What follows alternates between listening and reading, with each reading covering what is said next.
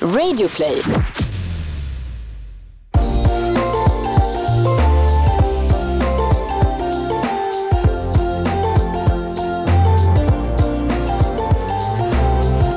Hej och välkomna till den nya podden Bakom varumärket där vi, Jenny Kaiser och Jessica Morales. låter dig inspireras av människorna bakom några av våra största och mest ikoniska varumärken.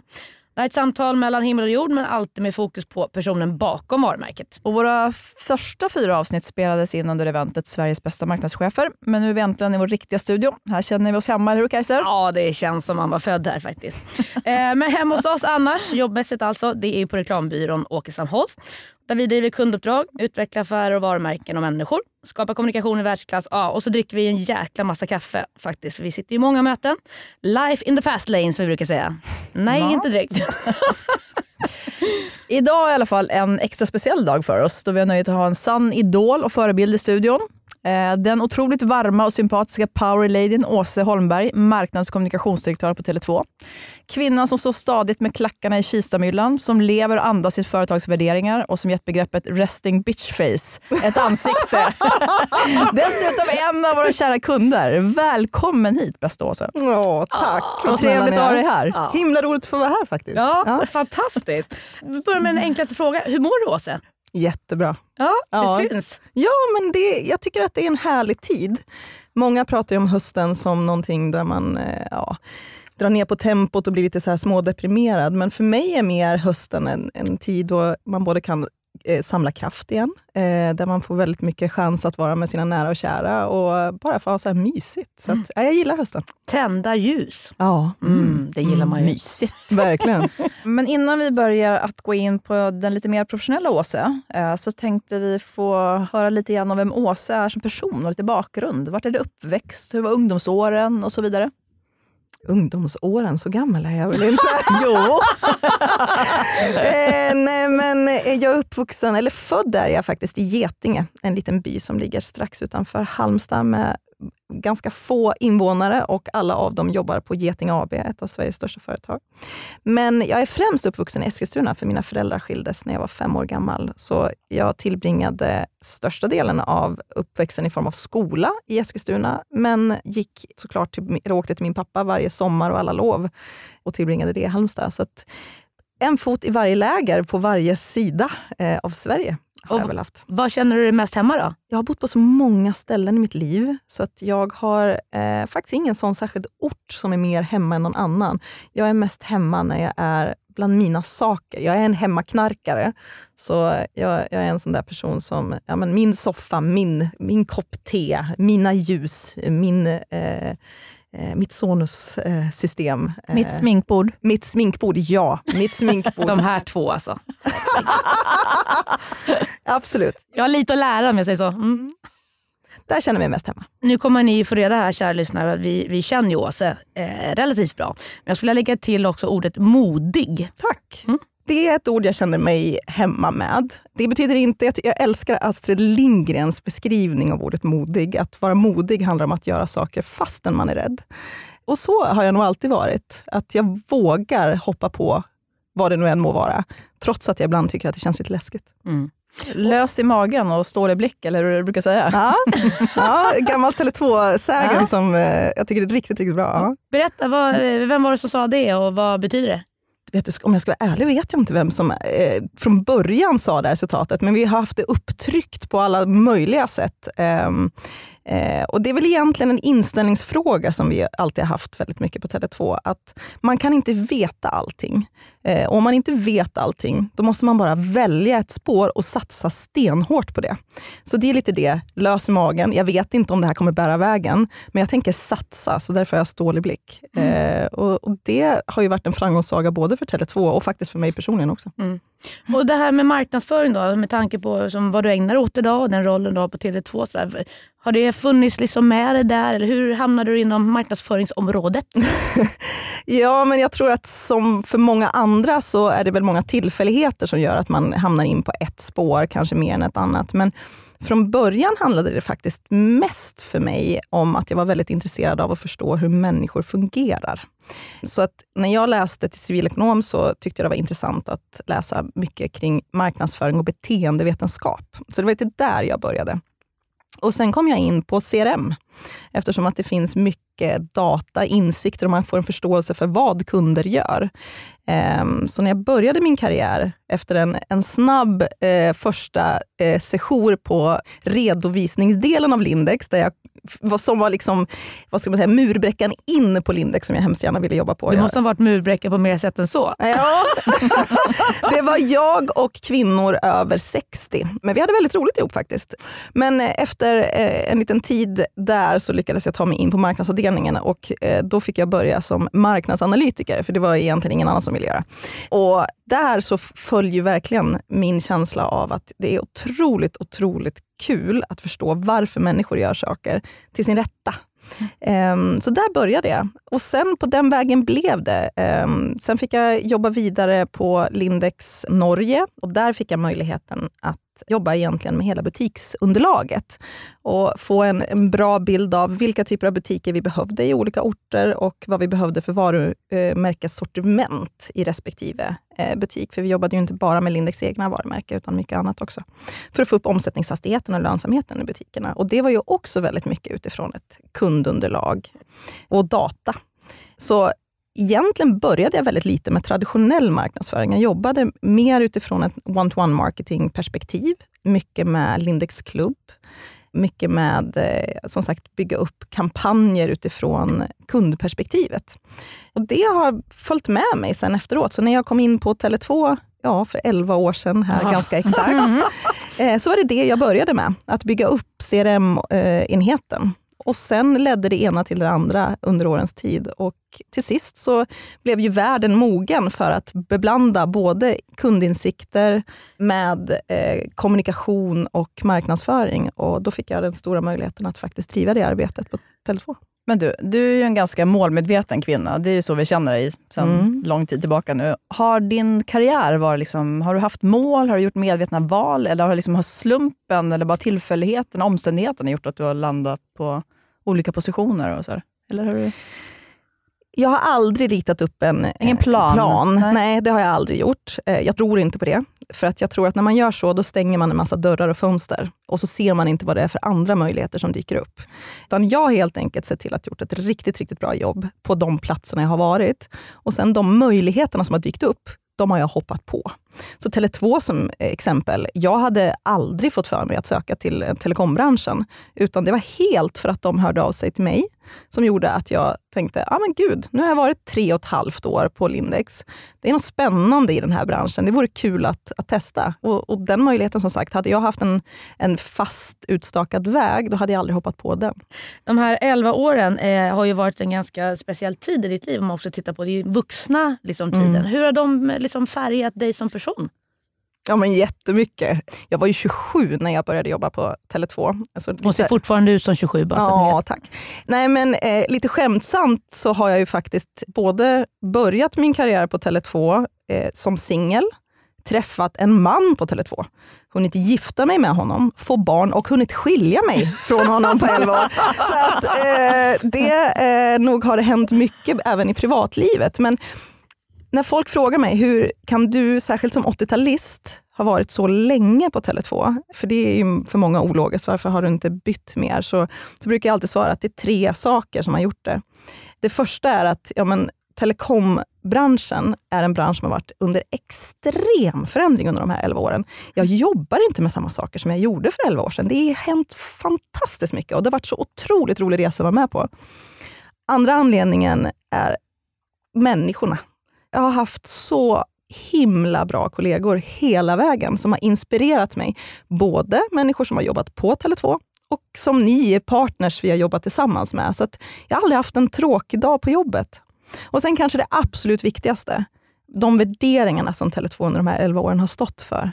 Det är många företag som pratar om att vara värderingsdrivna, men Tele2 lever, andas, följer, riktar sig mot sina värderingar hela tiden. Och Det är ett väldigt, väldigt speciellt sammanhang att jobba i. Och Jag är otroligt glad att jag haft förmånen att vara med på den resan. Mm. Men du är också den person där som kanske i störst utsträckning nästan personifierar de här värderingarna. Det var som jag kommer ihåg när vi började vårt samarbete. Så det första som hände var att vi fick en, en tavla skickad till oss med värderingarna. Mm. Och Det är något du återkommer till liksom, i alla dina resonemang, i vardagen, i ditt ledarskap och så vidare. I beslutsfattande. I beslutsfattande. och- Det Mm. finns med där i dig hela tiden. Och Det är Mm. som att du, så här, du är en personifiering av de här värderingarna. Med andra ord sagt, jag skulle aldrig vilja löneförhandla med dig. Går det överhuvudtaget? Eller är det liksom en omöjlighet? En del som pågår i samhället, diskussioner rent generellt och med tanke på med, med metoo och alla de här eh, stora liksom, förändringsvågorna handlar ju om jämställdhet. Mm. Där, du har ju bland annat varit engagerad i, heter det Womenator? Heter det så? Eh, nej. Vad heter det? Eh, Womentor. Womentor? Ja. Var det en Jag trodde siffra? det tänkte jag stod- Ja, men det var den, den, den engelska versionen. tråkigt. Jag, har ju bott i USA så Ja. Womenator. Bra namn i alla fall. Ja, mm. kan ta den om jag du vill. Ja. Eh, Jag har varit en deltagare i det programmet, Ja, det stämmer. Ja, Ja. Eller hur? Och eh, Tele2 har ju också blivit faktiskt, eh, vann ju Womenatorpriset 2012 om jag är rätt Ja, uppdaterad. precis. Berätta bara, jag blev lite nyfiken. Vad är Womenator för någonting? Eh, Womentor. Momentor. Herregud. Det här kan ni skriva om sen eh, där ute i pressen. Ja. Eh, Vomentor är ett program som Almega, som arbetsgivarorganisation för IT och telekombolag, satte Eh, upp för att främja kvinnligt ledarskap i vår bransch. Och Det är ju någonting som förr om åren var ett väldigt stort problem. Att många kvinnor antingen inte fick möjligheten eller upplevde att de stoppades längs med vägen i sin karriär inom vår bransch. Och det Vomentor helt enkelt främjar det är att eh, se till att kvinnor får den kompetensen de behöver för att kunna få eh, eh, ja, lyckas. Och nu vet jag inte exakt hur många år som Vomentor har funnits, men jag skulle tippa att det är strax över tio år. Och vi har ju också sett under de här åren en, en fantastisk utveckling i vår bransch med fler och fler kvinnor på ledande positioner. Men om man, om man då går bortom, för att här sitter vi, tre skulle jag nog vilja påstå, starka, eh, drivande kvinnor och så vidare. Jag upplever fortfarande att det inte är tillräckligt många kvinnor som varken får chansen, får stödet, får, eller kanske har kraften och modet själva att våga kliva in på de här höga positionerna. Allt ifrån koncernstyrelsenivå till vd-nivå eller chefsroller överhuvudtaget. Vad ska egentligen till för att fler kvinnor ska komma in på den nivån eller vilja komma in på den nivån? Jag tror att det finns väldigt många saker som behöver komma till för att få saker att hända. Men om man skulle dela upp det i kanske ja, men säg en två, tre olika delar. Så till att börja med så finns det en sak som jag tycker är otroligt intressant och det kallas, brukar kallas för potentialdilemmat. Och det är att när en kvinna och en man söker samma typ av tjänst, så på männen tittar man ofta på vad har den för potential framåt? Medan man på kvinnan tittar på vad har de för erfarenheter inom exakt det här området? Vilket rent krasst betyder att som kvinna måste man ha gjort precis det man ska göra nu förut. Men som man är det ofta som så att det räcker att man har potentialen att klara av det. Så det är väl det första, att säkerställa att det här dilemmat som väldigt mycket forskning har visat på stämmer för många företag, att det är någonting som måste bort. Här är jag väldigt stolt över det arbetet som Tele2 tidigare under åren har jobbat väldigt, väldigt mycket med. Vi hade en, en VD för några år sedan som hette Thomas Ekman som uttalat eh, beslutade sig för att sätta en 50-50 ledningsgrupp i Tele2 Sverige. Eh, och det påverkade hela organisationen därefter. Det andra som jag tror är väldigt viktigt, det är att se till att kvinnor får möjligheten. När man är i ett samhälle som vi är i, som vi har kommit långt i, men där det fortfarande är som så att människor kanske inte alltid får chansen eller tar chansen. Då behöver man både ha förebilder att se upp till, men man behöver också få lite push på vägen. För några år sedan så, så skulle jag gå på föräldraledighet. Och Då hade jag en av mina medarbetare som jag helt enkelt sa till, nu vill jag att du söker ersättningstjänster medan jag är föräldraledig. Och hennes första svar var att nej men det kommer jag aldrig klara. Och jag pushade in henne i det. Och det är otroligt roligt att se ett, att hon gjorde det jobbet fantastiskt medan jag var föräldraledig. Och sen gick vidare till nya strålande höjder. Hon heter Maria Moreau och sitter idag på Ikano Bank högt upp. Så otroligt kul att se att genom att hjälpa varandra, genom att pusha varandra så kan det faktiskt hända saker också. Så det tror jag är det andra. Får jag bara lite spinna vidare på det? Och där tror jag att vi kvinnor generellt sett fortfarande är urusla, men jag ska faktiskt utmana lite grann. Det finns många gånger, upplever jag, en slags osäkerhet hos oss kvinnor i form av att just göra det du beskriver. push, pusha, coacha men också så att vi känner oss trygga med oss själva. Mm. Men jag tycker att man ser faktiskt en stor skillnad när man tittar på kvinnor som är lite yngre än vad vi är. Jag tycker till exempel att eh, Ishtar Toilat, som blev till exempel årets framtidens kvinnliga ledare, vilket är roligt att hon har blivit framtidens kvinnliga ledare, för hon är fort, redan nu en väldigt stark kvinnlig ledare. Hur hon pratar om att främja och ta fram andra kvinnor tycker jag är otroligt inspirerande. Det finns många, många andra kvinnor som har gjort samma sak. Ja, men Mia Livfors Brunell tycker jag också har gjort fantastiska rekryteringar över åren. Så det handlar ju om såklart för oss att göra det. Men sen tycker jag också att det här är väldigt viktigt det är inte en kvinnofråga. Nej, det är en människofråga. Mm, så att männen har precis lika mycket ansvar att se till att identifiera ta kvinnliga talanger och se till att ge dem möjligheter. Och Det är jag otroligt stolt över, att jag har haft en chef som alltid har tittat på mig på det sättet och sett mm. till att jag har fått möjligheter. Mm. Men eh, du gjorde också en sak eh, efter branschuppropet, eh, uppropet, sista briefen, så lanserade ni 32-klausulen mm. som också ställer krav på era partners som ni samarbetar med. Kan du berätta lite om hur den formulerades och liksom innehållet i det? Jag har fått mycket frågor om det här, vilket är otroligt roligt såklart, för att det är kul när man gör saker som, som andra tycker är viktiga och som får påverkan. Men, men så här efterhand så känns det nästan lite konstigt att det fick så stor uppmärksamhet. För det vi rent krast gjorde, det var att när metoo-uppropet eh, var som en löpeld över hela samhället och, och, alla de närbesläktade uppropen som kom från olika branscher. Så satt jag hemma en kväll och kände att alltså det, det sägs så mycket kring vad problemet är, men det är ingen som kommer med några lösningar. Vart är lösningarna? Vem är det som har några förslag på vad vi ska göra? Och, och jag är inte en person som sitter på alla lösningar, men jag är väldigt actionorienterad. Så jag beslutade mig sent den där kvällen att skicka iväg ett mejl till vdarna på alla våra partner byråer, våra eh, närmsta. Så till exempel på Åkestam Holst, och på Prime, ANR, BBDO, eh, Mediacom och Kurpa Hosk. Det var de eh, vdarna som jag hörde av mig till. Och skrev helt enkelt så här, så här kan vi inte ha det. Vad kan vi göra? Kan vi samlas allihopa och ta en lunch? Och fick med vändande mejl samma kväll, det är klart vi gör det. Så vi träffades och så satt vi ner och så pratade vi om eh, vad som just nu hände och vad kan vi som ledare göra? Och landade tillsammans att ja, det, vi kan snacka mycket, men det är egentligen först när vi sätter saker på pränt som det kan göra skillnad på riktigt. Och utifrån den tanken så började då formuleringen av det som sen fick eh, namnet Tele2-klausulen. Och det är egentligen ett tilläggsavtal som stipulerar hur respektive part förväntar bete sig i det gemensamma samarbetet. För det är ju en gemensam arbetsmiljö vi skapar. En gång i tiden så fanns det ju arbetsmiljöer inom respektive företag, men folk jobbar ju inte så längre. Mm. Jag menar, vi tillsammans har en gemensam arbetsmiljö. Så det är det första det gör, stipulerar hur det här samarbetet ska se ut utifrån ett perspektiv kring att det ska vara icke-diskriminerande, det ska vara icke-kränkande, det ska vara främja eh, oliktänkande och så vidare.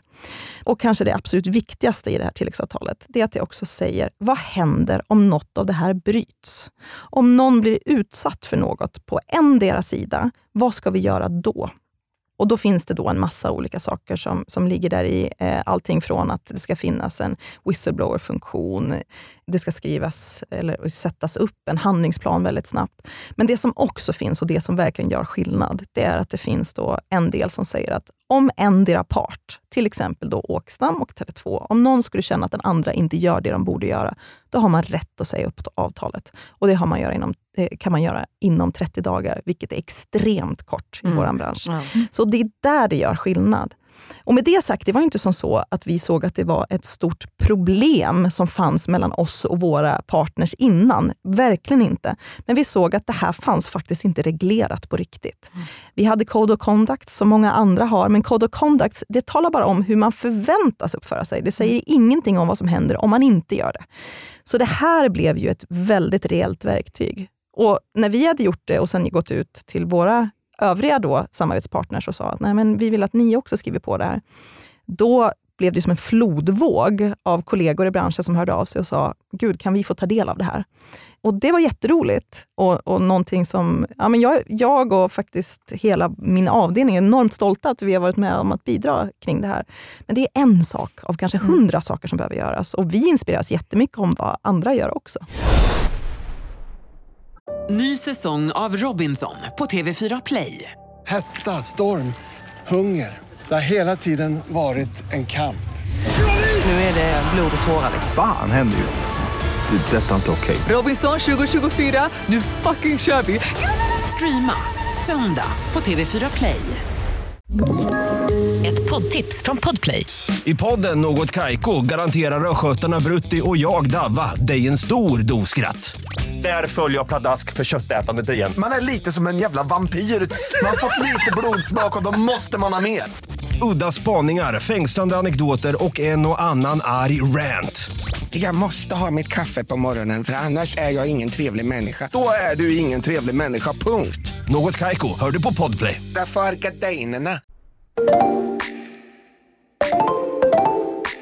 Om vi går in i businessen lite grann då. då. Det går ju inte att inte prata om Tele2. Nej. Vad säger du Jessica? Nej. Nej.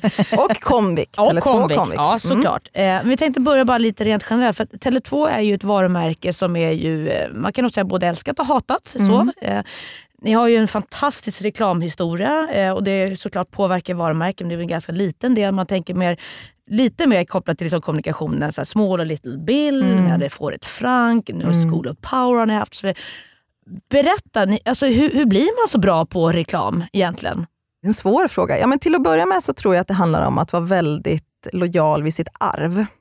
Jag tror att ska man jobba med all typ av kommunikation så är det viktigt att man är på något vis stringent. Det är klart att man kan göra skiften och förändra sig med tidens gång, men de här ja, exemplen som man har sett i branschen där man försöker göra en totalt ny take på ett varumärke om man inte alls har fått med sig kunderna längs med vägen. Det, det ringar ju bara falskt.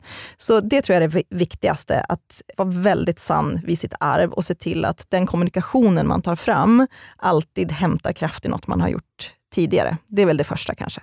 Men sen handlar det om att hitta sin ton och hitta sitt sätt att prata på. Och det är svårt.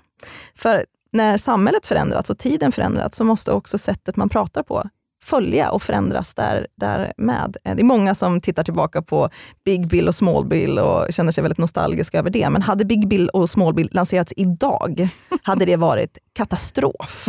Så att det, man måste också, det, allting är kopplat till den samtiden vi är i just nu. Och vi har haft fantastiska koncept bakom oss och vi kommer säkerligen hitta tusentals fantastiska sätt att kommunicera på framåt. Men jag tror själv att konceptens tid, om inte är förbi så åtminstone kommer minska i betydelse. Man behöver bli mycket sannare i sin kommunikation. Och där är vi många varumärken tillsammans som försöker hitta precis rätt väg att gå. Sen kan det handla om eh, hur man definierar ett koncept också. det kanske är precis som du säger, det kanske är formatens tid är förbi, utan det är snarare koncept som tar sin utgångspunkt i eh, någon slags mer missionsdrivet eh, claim eller någonting man vill förmedla. Mm. Vi sitter ju också och diskuterar ofta att vi pratar om Nike som ett eh, exempel på ett koncept som inte har en tydlig värld utan som Mm. snarare står vid sitt löfte till Mm. folket. Sin mission. Så, Sin mission helt enkelt. Mm. Och kommunicerar det i en mängd olika uttag. Mm. Och Sen har vi allt tillbaka till våra kära Comic som har en väldigt tydligt format att förhålla sig till och det funkar för dem. Ja, Så men comic, också jag skulle också vilja säga när det gäller comic, för det är många som pratar om Karim och Christer som format och det är ett väldigt framgångsrikt format för oss när det gäller att nå ut och få snabb igenkänning. Eh, men när vi tittar på de kunderna vi har och tittar på vad vi verkligen gör skillnad så är det också all övrig kommunikation vi har gjort. Vi har ju under åren experimenterat jättemycket med Comviq-varumärket kring sätt att nå den nya målgruppen. För vi jobbar ju med yngre målgrupper med, på Comviq-varumärket än vad vi gör på Tele2-varumärket. Och där har ju vi absolut extremt stor användning av Karim och Christer. Och missförstå mig rätt när jag säger att jag tror att konceptens eller formatens tid är förbi. Eh, jag menar inte, och verkligen inte, att vi på något vis ska röra Karim och Christer. Det är inte det jag säger. Det jag säger är att sätta nya format i den här tiden, det är svårare. ICA-Stig är så älskad för att han har funnits i vår samtid så länge. Skulle ICA-Stig lanserats idag kanske inte hade funkat lika bra. Nej, och sen så, jag menar, man får titta på eh, mer, alltså, hela det digitaliseringen, vad det ställer för krav också Mm. kopplat till var, när, hur du ska kan kommunicera också med Mm. dina olika målgrupper. Och vi diskuterade ju med några av de andra marknadschefer i tidigare poddar och det tycker jag är så himla bra. Den gamla målgruppsbeskrivningen till att börja med, eller segmenteringsmodellen, den är ju helt död. Det går ju inte. Man Nej. pratar fortfarande så här millennials och liksom generation Z och så vidare. Det är ju extremt många segment i det segmentet. Mm. Och Det ställer också jättestora krav på liksom, eh, marknadsförarna idag. Att hur ska du navigera det där? Och där kommer ju då formatfrågan, konceptfrågan in. Därför att det håller inte. Det är så många touchpoints som du måste navigera i. Verkligen. Och jag menar, för, för tio år sedan så kunde du välja en känd person som kunde företräda ditt varumärke och du skulle få en enorm boost av det. Idag i he- hela nya influencervärlden, det finns ju en mängd med människor och alla tittar på olika. Så det är mycket, mycket svårare mer utmanande men också, om jag nu får gå tillbaka till det vi pratade om innan, mycket mer spännande för nu måste vi jobba mer insiktsdrivet. Vi måste jobba mer datadrivet, vi måste förstå vilka är det vi riktar oss mot och vad är det de går igång på. Följa det, testa, tweaka hela tiden och se till att anpassa oss efter dem. Det är mycket svårare att vara marknadschef idag än vad det var för tio år sedan men det är också mycket roligare. Vi har ju pratat också väldigt mycket om det här med den eh, befint, alltså fokusera på befintlig kund. Det tycker jag har varit en diskussion som, som vi har haft med många kunder många år. Men det har varit ganska få, om jag ska vara riktigt ärlig, kunder som har faktiskt gjort någonting utav det. Man jagar alltid nya kunder istället för att fokusera på de man har. Och I ert fall har ni en ganska stor befintlig kundstock. Berätta bara kort kring det. Vad är er syn på befintlig kund versus rekrytera nya? telekombranschen var ju en bransch när jag började som handlade väldigt mycket om att jaga tillväxt. Och det var ju en, en jätterolig tid, för det, det var ju en tid där ja, säljsiffrorna var galna och körnsiffrorna var, var ganska låga churn, kundtapp i, i vårt språk.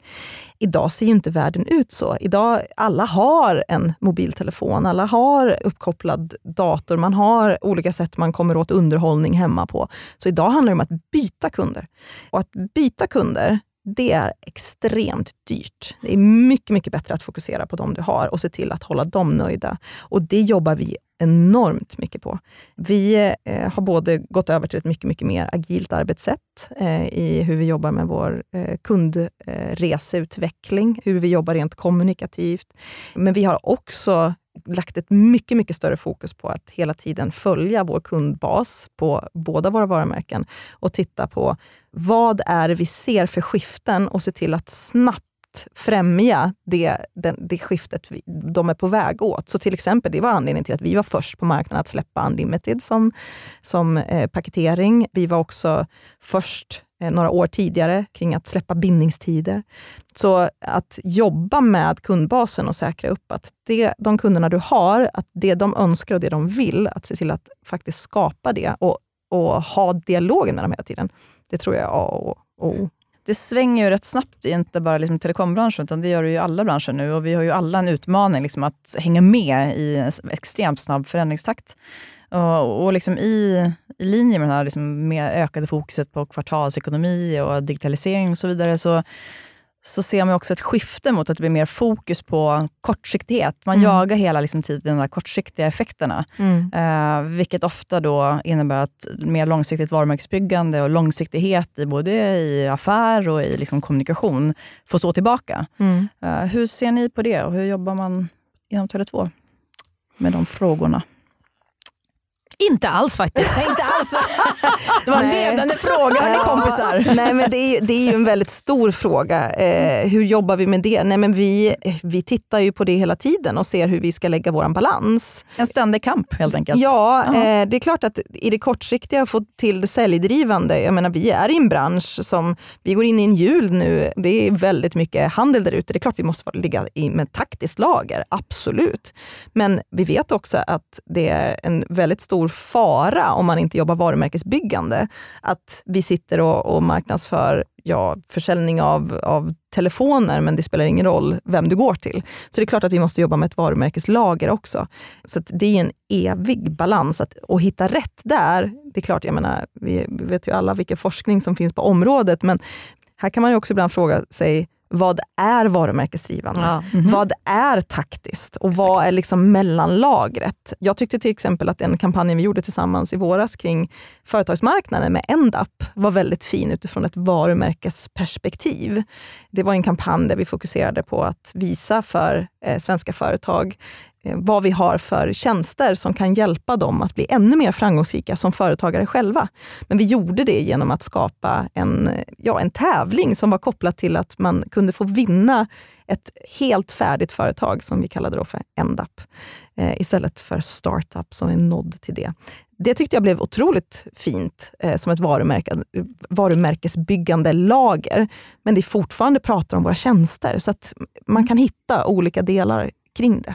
Ja, det går ju tillbaka till att just tänkte på det på vägen eh, till jobbet i morse. Så här, vad är ett varumärke idag? Det är den här klassiska frågan man går i skolan. Det samlade liksom, uttrycket för det här varumärkets mm. själ och varande och tjänster och produkter som bevisar det. Associationer, Jenny. Associationer, ja, associationer ja. Men jag är från Tyresö så jag håller det enkelt.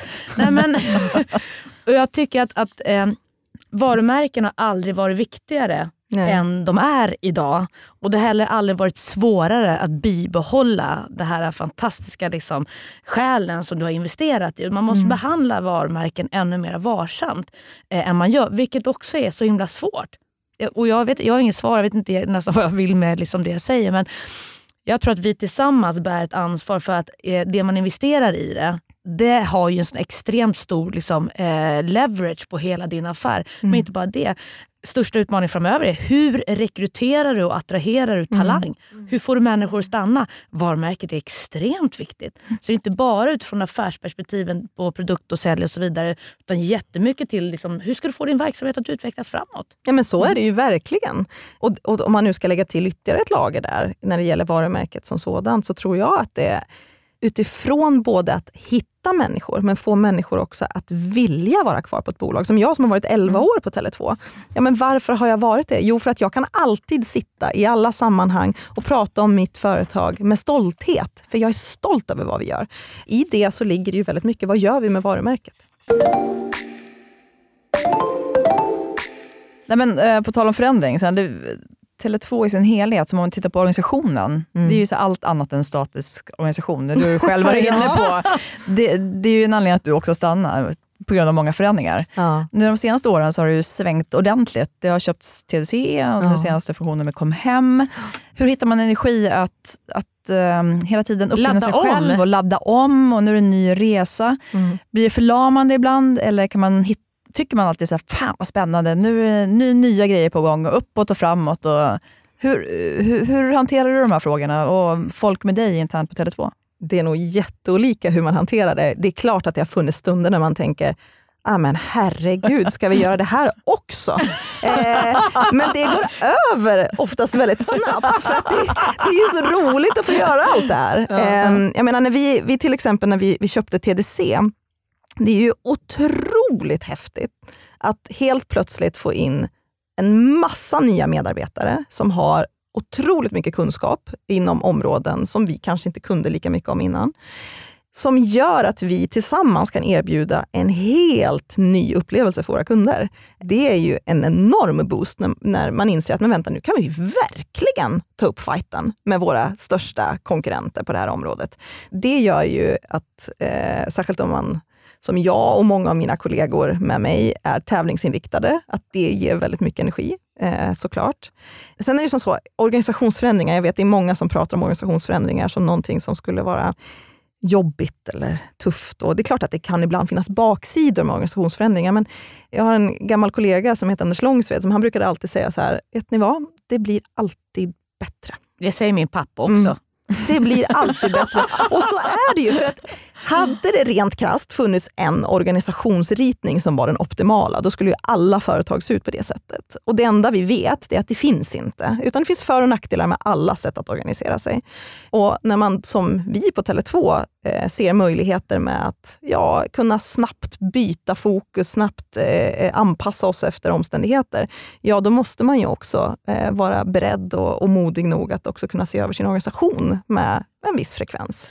Eh, sen får man också tänka på det du nämnde tidigare här med eh, kopplingen till koncepten till exempel. Om man tar förändring framåt. Om inte eh, människor och verksamheter förändras, jag gillar ordet förnyelse ännu mm. mera, då kommer man inte överleva. Så Så är är, det. ju verkligheten. Och Tele2, eh, hela koncernen, ni har ju haft det med er sedan starten när Jan Stenbeck grundade. Mm. Det har varit en viktig pelare i det. Men det är det som jag tycker är så häftigt när man har tittat på bolaget utifrån och fått vara med nu glädjen att jobba tillsammans med er. Ni är ju verkligen så. Så att man kan inte heller söka sig till en verksamhet eller ett bolag om man inte har någonting i den typen av liksom kemi i sig självt. Jag. Men så är det verkligen. Och, och Det jag tycker är så häftigt på Tele2 det är att Tele2 som sådant är större än varje enskild individ. Det kan kännas konstigt när man säger det, men när någon slutar på Tele2, två veckor senare är det faktiskt som att den personen aldrig hade jobbat på Tele2. Och Varför är det så? Jo, för att det är inte uppbyggt på enskilda individer. Det är uppbyggt på en massa människor och en stark kultur där nästa person snabbt tar vid. Så det här som man ibland kan höra vänner prata om på andra företag, att ja, Kalle Andersson, eh, han slutade för åtta år sedan, det var han som hade koll på det och det är ingen som haft koll på det sedan dess. Det händer inte hos Nej. oss. Och det tycker jag är väldigt, väldigt häftigt. Att det faktiskt är så. En, en kvinna som jag är lite nyfiken på din relation till, Kristina Stenbeck.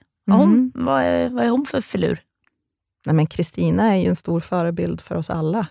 Många pratar om hennes far som den stora grundaren av Tele2 och det var han absolut eh, med många av, av våra ja, koncernsyskonbolag. Men jag skulle säga att det var Kristina som tog in oss i den nya tiden. Både utifrån ett mycket mer digitaliserat perspektiv men men också i att eh, få upp eh, mer, liksom ett mer effektivt arbetssätt. Så det är klart hon präglar otroligt mycket hur och eh, sättet, sättet vi jobbar på och eh, ja, vad, vilka branscher vi är inne i och inte. Mm. Och hon är också, det får man också säga, en av hennes absoluta största styrkor skulle jag tro, är att hon är väldigt osentimental. Att till exempel sälja Korsnäs, eller dra sig ur Korsnäs, som ju var liksom grunden till Kinnevik, för att istället investera i nya typer av branscher. Det är inte bara modigt, det är, det är också eh, väldigt osentimentalt. Och det är någonting jag tycker är otroligt häftigt. Kristina, om du hör det här samtalet och eh, vill vara med i vårt program så slå oss en signal. Men hörni, nu har vi pratat rätt mycket om eh, Tele2, vad Tele2 eh, har varit och är och så vidare. Men vad, hur ser framtiden ut? Vilka möjligheter, utmaningar står vi inför? Vad kommer hända med Tele2? Ja, nu kommer ju Tele2 och Kom hem gå tillsammans. Precis. Och, det är Och vad ju, händer då? Ja, men det är ju en fantastisk möjlighet som öppnar sig. Jag tycker att Anders Nilsson, vår nya koncern säger det väldigt bra. Tidigare har fokus legat otroligt mycket på vad det är för typ av anslutning man som kund har haft. Har man haft en mobil anslutning eller en fast anslutning? Eller vad är det för typ av anslutning man har haft? Nu kan vi sluta prata anslutningstyper och prata vad är det för tjänster du som kund vill ha och hur kan vi erbjuda dem till dig på allra, allra bästa sättet. Så att ja, den nya, nya Tele2, eftersom att Kom hem faktiskt nu upplöses, även om det är kvar eh, som ett varumärke i vår portfölj, det kommer ha helt andra möjligheter än vad det gamla Tele2 hade. Så du eh, laddar om för 11 nya år med andra ord? Ja, skulle jag säga. Ja, alltså så här, när, jag, när jag började på Tele2 för 11 år sedan eh, så hoppade jag ju på en resa som var fantastisk då. Det var ju en resa med massa tillväxt. Det var ett företag med stark entreprenöriell anda och väldigt, väldigt starka värderingar. Och den här tiden jag har varit på Tele2 har ju varit hur rolig som helst och jag är jättestolt över det vi har gjort tillsammans. Eh, men nu kommer en ny tid. Och det här nya sammanslagna Tele2, det kommer påbörja en ny resa med en annan typ av laguppställning. Och när den laguppställningen eh, blev tydlig för mig så kände jag att nej, nu är det faktiskt dags. Oj. Ja, Oj. jo, efter 11 år på Tele2 så känner jag att nej, men utvecklingsmässigt, jag har gett det jag kan till Tele2. Nu får ni sluta sucka. Eh, och jag kommer faktiskt... nej, nu är det dags för mig att lämna vidare stafettpinnen till nästa generations Tele2-are. Wow. Wow. Oj. Men du, vem tar över ditt jobb? Vem kommer efter? Organisationen ändras nu i och med att Comhem och Tele2 slås ihop. Och Det gör man för att möta de nya möjligheterna som det sammanslagna företaget får. Och I och med den här sammanslagningen så kommer den marknads och kommunikationsenheten som jag fram tills nu har lett eh, delas upp. Så det är ett kanonteam som kommer ta över. Eh, Men det kommer inte se ut som, som när jag satt. Så det är ingen schism eller någonting annat som ligger bakom det här beslutet? Verkligen inte. Egentligen bara för att ni skulle få ett scoop skulle jag vilja säga att det var ett schism, men, men det är ingen. Vi säger Eh, tack även fast vi är väldigt tagna av den här informationen. Nej men såklart var det ju som så att vi pratade, jag och ledningen, om massvis med olika möjligheter i den nya organisationen för mig. Men jag kände väldigt tydligt att nej, nu när det blir så här, då är jag klar. Och när man känner så, då är det dags att lämna. Men du har givet så mycket tid som du investerar och själ och liksom eh, hela dig själv. Var det ett svårt beslut? Nej, det var, det var ett vemodigt beslut. Jag är ju en väldigt passionerad ledare och jag har verkligen älskat varenda dag på Tele2 och det kommer jag göra ända in i kaklet. Och det jag har haft förmånen att bygga tillsammans med mitt team är jag otroligt stolt över. Att se de fantastiska resultat som vi har fått genom den förändringen som vi har drivit de senaste åren, inte bara på Tele2 utan faktiskt i hela branschen kring att bli mycket mer insiktsdrivna, att bli agila och fokus på att bygga mer kompetens in-house samtidigt som vi jobbar med starka externa partners. Det har varit jätte, jättekul. Eh, men det roligaste för mig har alltid varit just att bygga upp och att transformera. Och nu har jag gjort det. Och då blir det så tydligt att jobbet är klart. Det som jag kunde bidra med till Tele2, det har jag gjort. Och nu är det dags för nästa generation att bidra med det de ska bidra med. Man kan ju säga så här lätt, att det här är ju vårt första scoop. eh, jag sitter här och darrar på underläppen, underläppen och eh, känner mig eh, vä- väldigt eh, emotionellt berörd. Eh, känner att tårarna kommer. Det handlar jättemycket om, precis som du har varit eh, väldigt tydlig med från början, att jobba som partners. Mm. Eh, Och när man jobbar som konsult så är det inte alltid så. Utan eh, man kan oftast bli sedd som en leverantör och inte bli insläppt i, många säger finrummet och få prata om saker och ting som är på riktigt sanna kring affär och varumärke såklart, människor, organisation, kultur och att vi gör saker och ting vi är på samma resa tillsammans och att du har skapat förutsättningar för att vi som partner ska kunna leverera det bästa tänkbara värdet tillbaka till er. Ibland går det bra, ibland går det mindre bra, men vi är tillsammans. Och det får man inte uppleva varje dag. Eh, och det är så att det är människor som sätter prägeln och det har du gjort i ditt ledarskap och ditt sätt att se på hur du jobbar med din organisation, med oss som partners och så vidare. Och det, jag är otrolig, jag tror att vi pratar för hela Åkestam Holst och för teamet, att som privilegium att få jobba tillsammans med dig och hela ditt team. Ja, för jag tycker att det måste vara fokus. Det handlar faktiskt om hela teamet. Och det är ett fantastiskt team som finns på Tele2, som kommer fortsätta finnas på Tele2, som kommer jobba vidare med de här sakerna. Och jag kommer stå vid sidan om och applådera dem hela vägen. Eh, jag är en enormt lojal eh, person när det gäller varumärken. Eh, det är 11 år sedan jag slutade på Lindex. Jag köper fortfarande nästan alla mina kläder och alla min dotters kläder på Lindex. Och jag kommer vara Tele2-kund in i ja, oändligheten. Så ja, nu var ni först att få höra det här. Eh, det här avsnittet kommer inte sändas förrän om några veckor, eh, när även eh, mina medarbetare kommer ha fått veta det här. Men det är egentligen inte en tid för nostalgi, det är en tid för att verkligen se vad häftiga saker det här nya företaget kommer göra. Och det teamet som kommer vara kvar, de kommer nå helt nya höjder. Nej, men det är viktigt att du poängterar det, för det, väl, det tror jag också att vi har känt, också alla som har jobbat med ett ganska stort team och ser att det engagemanget som skapas blir något helt annat. Mm. Så det ska du ändå ha ett stort tack för, att Ja. du var det du liksom proklamerade tidigt i vårt samarbete när vi började jobba tillsammans. Att, det är så här vi jobbar. Vi är partners, we're in this together och liksom ingen det är ingens fel. Vi står bakom varandra om det blåser. Vi firar när det går bra. Och det har vi gjort. Vi har firat, vi har druckit bubbel, vi har gråtit, vi har skrattat, vi har bråkat lite Mm, grann och inte alltid varit överens. Men det spelar ingen roll, för vi har alltid sett det som ett gemensamt samarbete. Och We're det är in vi this together. otroligt glada över. Ja, tack. Men eh, jag skulle också vilja hylla det team som jag har lett de senaste åren. Mina marknadschefer, Jim Karlberg som leder Comvik-varumärket och Lukas Krohl som leder Tele2-varumärket. Martina Göransson, vår fantastiska insight och mediechef.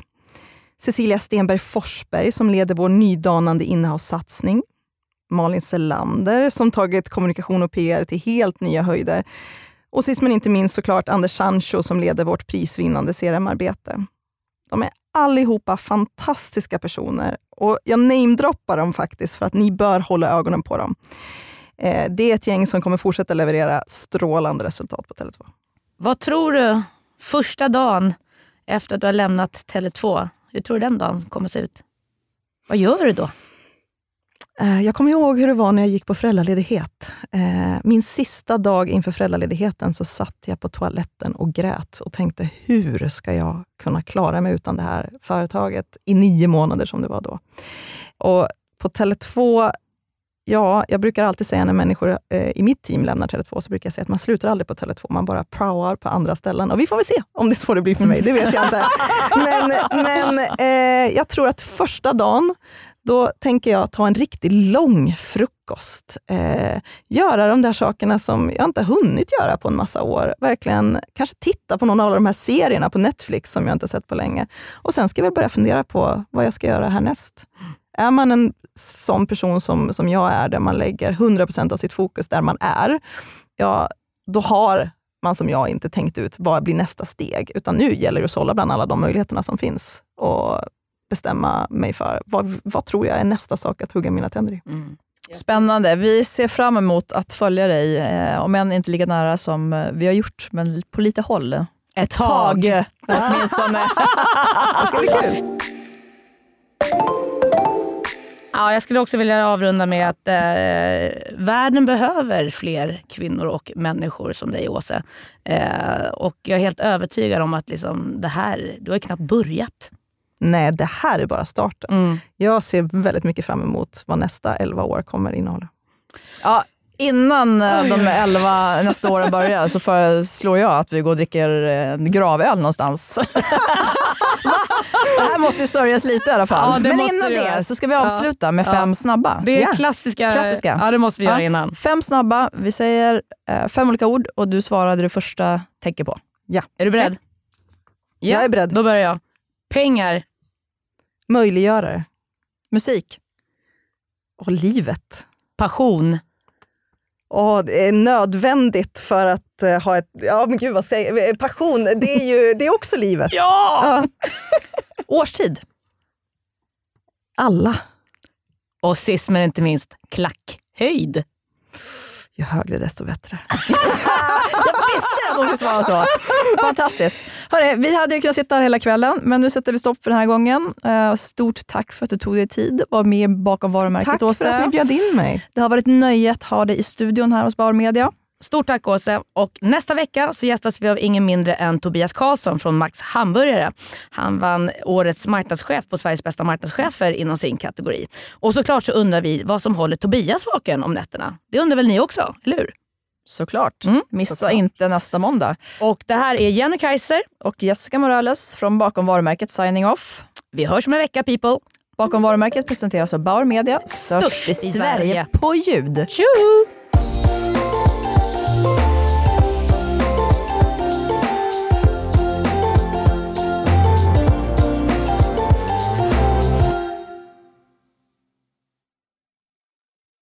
Ny säsong av Robinson på TV4 Play. Hetta, storm, hunger. Det har hela tiden varit en kamp. Nu är det blod och tårar. Fan händer just nu. Det. är Detta är inte okej. Robinson 2024, nu fucking kör vi! Streama söndag på TV4 Play.